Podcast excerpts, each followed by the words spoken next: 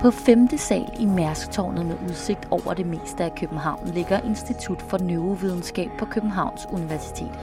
Her forsker lektor David Voldby i genterapi. Genterapi har siden 90'erne været godkendt til en række behandlinger af sjældne sygdomme, men det er først inden for de senere år, at der for alvor er sket et gennembrud. Og det er netop genterapi, det skal handle om denne gang i Ugeskrift for Lægers videnskabelige podcast. Velkommen til. Jeg hedder Karen Sirede Jacobsen.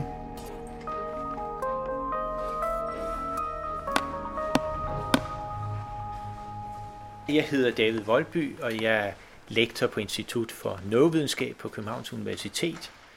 Og jeg har de sidste øh, 15 år arbejdet på at udvikle genterapi til epilepsi øh, med anvendelse af såkaldt øh, neuropeptid Y overekspression, hvor vi især går efter at behandle temporallaps epilepsi. Øh, I den sammenhæng har jeg også været, må jeg nævne, at jeg også har været medstifter af et genterapifirma i Lund, som der hedder Combigene, som arbejder på at udvikle genterapi for, for første gang til epilepsibehandling. Jeg synes nok, at noget af det mest spændende med genterapi i øjeblikket, det er den der mulighed for at behandle øh, at bruge genterapi som personalized medicine til det, der hedder N of one, altså når der for eksempel, at man har identificeret en, en mutation, som kun findes i en i hele verden, og hvor man så opdager, at man kan anvende genterapi til at behandle lige præcis specifikt den type mutation, som den patient har. Det synes jeg, det har man lige for sidste år dokumenteret, at man kan med, med en sjælden børneneurologisk sygdom, der hedder Battens sygdom. Øh, og det synes jeg nok er en meget fascinerende tanke, at man i fremtiden kan skræddersy genterapi til helt sjældne sygdomme, som altså kun én i verden har en, en given mutation, øh, og så opnå til synlædende øh, meget lovende resultater med på den måde. For mange af de her sjældne øh, sygdomme øh, vil man være i den situation, at der ikke er noget som helst anden chance for at behandle. For næsten præcis 30 år siden blev den første patient i verden behandlet med genterapi. Det var den dengang fireårige pige Ashanti de Silva, der led af en sjælden genfejl i immunsystemet. Behandlingen trak store overskrifter verden over, og hun lever i bedste velgående i dag. Men da der op gennem 90'erne kom flere historier frem om patienter, der døde af behandlingen, gik forskningen næsten i stå. Tilbage i 1990'erne, så var der eksempler på, på nogen, der, der døde af genterapi, og det fik hele genterapien til at stoppe. Det var, øh, det var øh, blandt andet, man anvendte en anden virusvektor, en adenovirus, i stedet for en adeno-associated virus, og den udløste altså en lidt for kraftig immunreaktion. Så det fik stoppet genterapien der i, i nullerne i en periode. Øh, og så har man altså, efter at især AAV-vektorerne er begyndt at blive anvendt, så har man genvundet troen på, på genterapien, og det bekræftes jo også af, at, at man øh, har, har netop fået godkendt øh, FDA og EMA øh, flere genterapiprodukter i den seneste tid. Med, det startede med øh, Glybera, i, som var et, en AAV-virus, man indsprøjtede i, i muskler øh, til at kompensere for en pankreas sygdom. Øh, der var desværre kun én patient, hvis nok, der blev behandlet. Den kostede en million euro per behandling, så det var også en meget dyr behandling. Men hvad er det, man forstår ved genterapi? Ja, genterapi er jo øh, en potentielt fremtidig behandling, og det er også nu en nuværende behandling, hvor, som indebærer, at man introducerer DNA eller RNA enten i celler uden for kroppen, og så sætter dem ind i kroppen bagefter, eller man, man, man sætter DNA eller RNA direkte ind i vores krop. Øh, nu beskæftiger jeg mig mest i forbindelse med, med hjernesygdomme, øh, for eksempel ved anvendelse af en viral vektor, altså virus, partikler. Man kan ligesom dele det ind på to måder. Man kan, man kan tale om, at genterapi kan være sygdomsspecifik, hvor det handler om, at der er nogle spe, specifikke gener, hvor der for eksempel er nogle mutationer i, der, der forårsager symptomerne, og ellers så kan vi også have genterapi, øh, som er, bare er ren symptombehandling, hvor man bare øh, behandler med nogle andre terapeutiske gener end nødvendigvis at de gener, der er noget galt med. Jeg kan give nogle eksempler, at hvis vi starter med for eksempel den sygdomsspecifikke genterapi, så taler vi om, at der kan, øh, der, kan der være øh, to ting galt. Der kan være, øh, at den mutation i sygdommen forårsager såkaldt gain of toxic function, altså at der kommer en, et toksisk protein, som er sådan set er det, der forårsager sygdommen. Et eksempel er for eksempel Huntington ved Huntingtons sygdom, øh, hvor, hvor der er et, øh, hvor det er det toksiske produkt, som resulterer fra, fra den mutation, der er i, i sygdommen, hvor det er det toksiske produkt, der forårsager symptomerne. Og det er klart, at til behandling af øh, gain of toxic function, så er der behov for med genterapien, at man nedregulerer det her toksiske protein. Og den her nedregulation, den gør man klassisk med, med såkaldt antisens olienukleotider. Øh, det, det er det, der har vist sig at være mest succesfuldt øh, til at nedregulere et toksisk protein. Men en anden ting, der kan være galt, er jo, at den mutation, man har i en sygdom, at den øh, resulterer i loss of function, altså at genet simpelthen bare ikke virker. Og der er det jo en anden øh, øh, strategi, der skal bruges, så har man mere behov for at indsætte en kopi af det normale gen, sådan at man genvinder den tabte funktion af genet.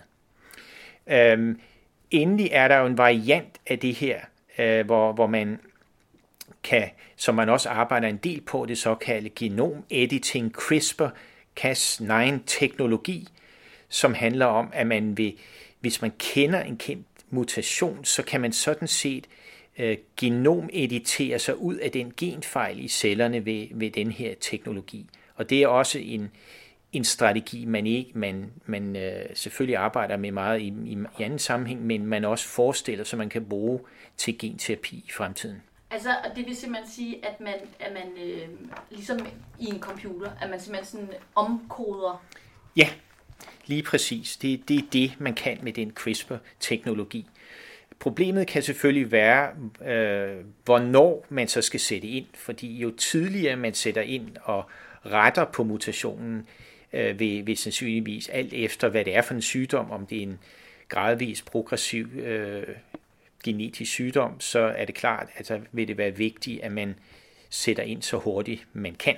Genet indsættes i kroppen med forskellige metoder. Øh, med hensyn til viruspartikler, så øh, bruger man især en såkaldt adeno-associated virus, eller AAV, øhm, eller man kan også anvende en variant af HIV-virus øh, til, til at indsætte terapeutiske gener. Men øh, det smarte ved AAV-virus er, at den øh, ikke integrerer sig i vores genom, og derfor øh, får man meget lille risiko for, at de gener, man indsætter i vores celler, at de kommer til at sidde og forstyrre øh, vores andre gener i punktum. Hvad hedder det? Men, men, men sådan som jeg forstår det, så er der ligesom øh, to måder, at man, at, at man ligesom ser det her på. Enten så er det fordi, at man ligesom behandler en sygdom, eller er der også, øh, eller også så, så øh, kompenserer man for, at, øh, at der for eksempel er nogle steder i hjernen, som ikke øh, virker, som det skal. Er det rigtigt forstået? Ja, det er rigtigt forstået. Man kan ligesom dele det ind på to måder. Man kan, man kan tale om, at genterapi kan være sygdomsspecifik, hvor det handler om, at der er nogle spe, specifikke gener, hvor der for eksempel er nogle mutationer i, der, der forårsager symptomerne.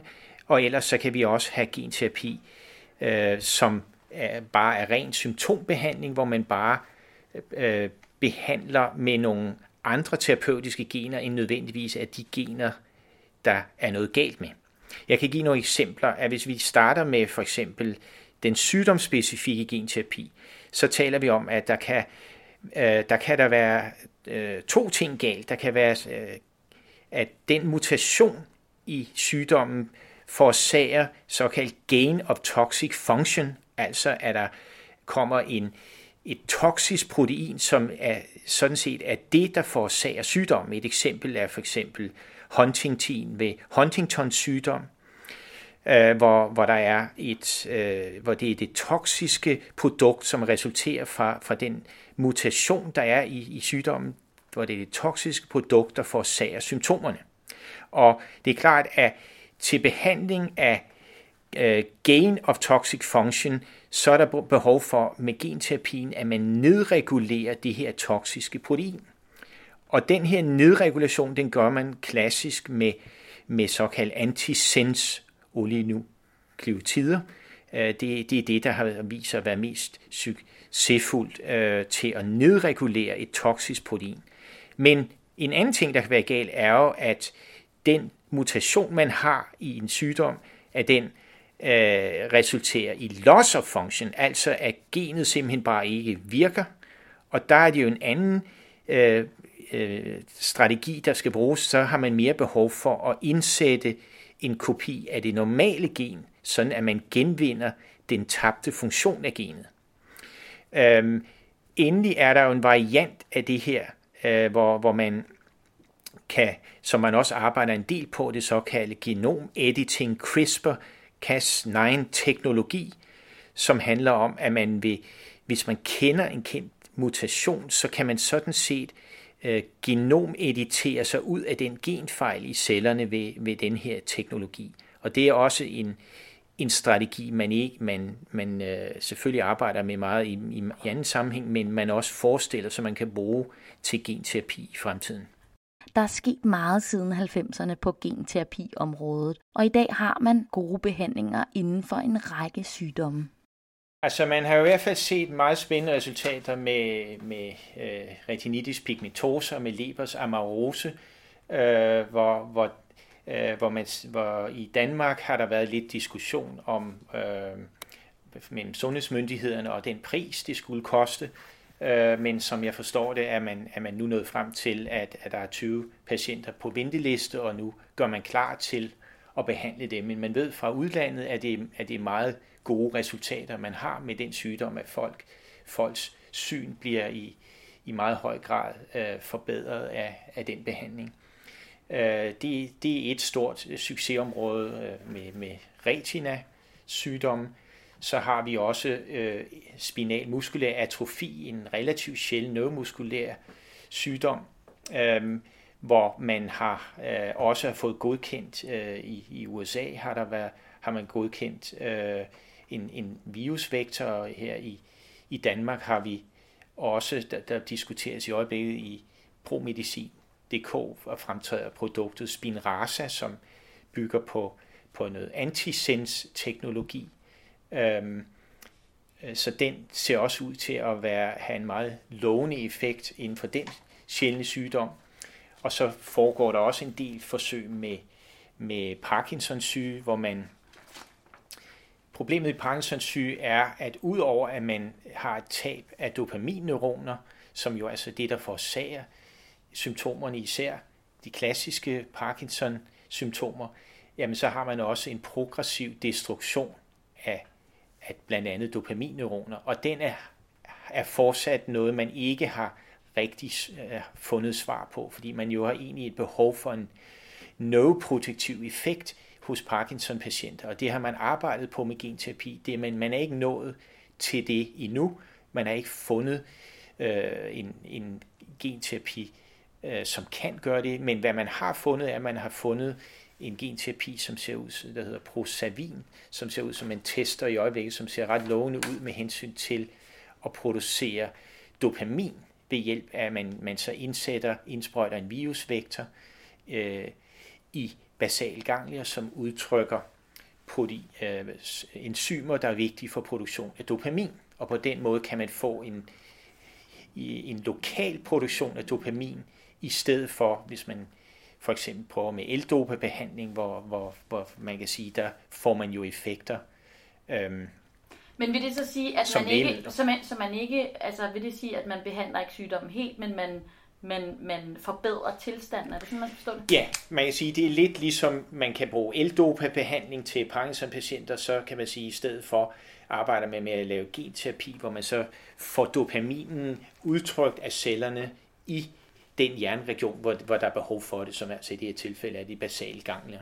Med Huntingtons korea, så er der nogle ret lovende nye resultater, der tyder på, at den gain of toxic function, som øh, der er ved korea Huntington, at øh, med, med huntingtin-protein, som altså er, giver en toksisk effekt, der giver den neurodegenerative sygdom, der ser det ud til i hvert fald, der er nogle meget lovende øh, studier, der peger på, at antisens oligonukleotider kan, kan hjælpe på, på den sygdom. Det bliver spændende at se i fremtiden. Men er det sådan, at man ligesom skal se på det, at, at der, hvor genterapien er lige nu, det er især på de her øh, ret sjældne genetiske sygdomme, hvor at der ikke nu ligesom findes en, en god behandling. Øh, hvorimod at man kan ligesom sige, øh, altså øh, mere almindelige sygdomme, der, der, der giver det ikke helt så god mening. Ja, det er klart, at her, øh, her i starten af genterapiens øh, historie, som vi jo stadig befinder os i, der har der, øh, der har der været mest fokus på de sjældne sygdomme, og det er også fordi, det er øh, og et eksempel på, på rigtig sjældne sygdomme, hvor der, øh, man kan sige, der løber vi ind i det problematik, at der ikke er et kommersielt potentiale, det vil sige, det er svært for et firma at tjene penge på at komme det her produkt på markedet. Det er ved, ved helt sjældne sygdomme, det man kalder N of one, altså når der, når der kun er én i verden, der har en bestemt mutation. Og det har man netop gjort meget vist succesfuldt med, med Battens sygdom, øh, med et, et produkt, et antisens oligonukleotidprodukt, hvor man øh, havde identificeret i, i USA en, en patient, som havde, øh, som havde en mutation, der netop gav en toxic, gain of toxic function, og der har man altså succesfuldt behandlet den her person med genterapi, øh, til trods for, hvor, hvor det simpelthen var en helt selektiv, hvor man med det her antisens oligonukleotidbehandling, kan man selektivt påvirke øh, lige præcis hos denne her person, den øh, kan man sige, toksiske messenger-RNA, som, som vedkommende havde i, som, som følge af sin mutation. Så det er sådan et spændende eksempel på, at genterapi i fremtiden også kan bruges, selvom der måske umiddelbart ikke er et kommersielt potentiale, så kan man forestille sig, at, at, at regeringer og sundhedsmyndigheder kan, øh, kan hjælpe folk, øh, som har en sjælden sygdom, øh, hvor, hvor man så med genterapi kan selektivt lave en behandling til dem. Men det gør jo op med hele det her syn på, hvordan vi ellers øh, ja, altså behandler sygdomme. Ikke? Altså at man betragter øh, patienter som en gruppe. Ja, det her er sådan et, et klassisk eksempel i det, der, der jo er, er ret moderne nu om dagen, den såkaldte personalized medicine, hvor man altså forsøger at mere gå efter at lave, øh, at, at hver enkelt patient øh, i, i vis tilfælde har behov for en mere specialiseret behandling. Og, øh, og her er genterapien altså et eksempel, hvor, hvor det øh, er helt, helt tydeligt med N of One og har vist sig succesfuldt.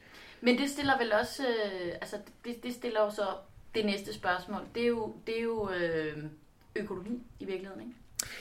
Ja, og, og i tilfældet med, sådan som jeg forstår det, med den her Battens sygdom øh, person, så havde man vist også crowdfundet pengene, men man kan sige, øh, hvor, hvor, hvor de pårørende havde været ude og, og skaffe pengene, det, det var, jeg tror det var, øh, det var i hvert fald over 10 millioner kroner, de havde skulle skaffe, hvis ikke mere. Øh, så det, det kunne blive ret dyrt. Man kan sige, at i Danmark kunne jeg jo egentlig godt forestille mig, at man, øh, at hvis man laver regnestykket, så, så er det, at det, kunne det jo i nogle tilfælde, hvis det er en, en, en, en lang sygdom, hvor, hvor patienterne også vil være dyre for, for syge, hospitalsvæsenet og i det hele taget for, for øh, socialvæsenet, øh, så kan man sige, så er der også økonomisk ud over det menneskelige aspekt, at man faktisk med genterapi, som, som det her forsøg med battensygdom viser, at man faktisk kan opnå ret fantastiske effekter, øh, hvis man ellers øh, gør det. Men, men det er, det er altså, til syvende og sidst, og det er der også i øjeblikket, at har der også været diskussioner med, med det produkt til lebersamarose til, til øjenpatienter, og, og endelig var der også tale om Spinraza-produkt til øh, spinal muskulær atrofi her i Danmark, der har bestemt øh, er økonomi noget, man diskuterer. Men selvfølgelig må man øh, afveje, hvad koster behandlingen her nu i forhold til, hvad koster, hvad koster det ikke at behandle patienten på længere sigt. Og det ser ud til, at når man indsætter et normalt gen via en virusvektor, så er det noget, der bliver i hjernen længe, måske hele livet. Man, man har set hos Parkinson-patienter, der er blevet behandlet med genterapi, at man kan, kan se, at ekspressionen er til stede i hvert fald 10 år efter, øh, og i abestudier har man set, at, at det kan være der helt op til 15 år efter. Så det er formentlig en, en livslang effekt, man, man inducerer. Betyder det så, at man i fremtiden vil se genterapi overtage gængs medicinsk behandling? Det, det øh, område, jeg selv arbejder med, med genterapi med epilepsi, der, der kan man sige, der er problematikken, at vi, vi vil gerne prøve at behandle folk øh, med et epileptisk fokus i temporallappen, og der er problematikken, at selvfølgelig med kendt antiepileptisk medicin, som ved cirka 25% ikke er tilstrækkeligt effektiv, jamen den medicin er noget, der virker overalt i kroppen.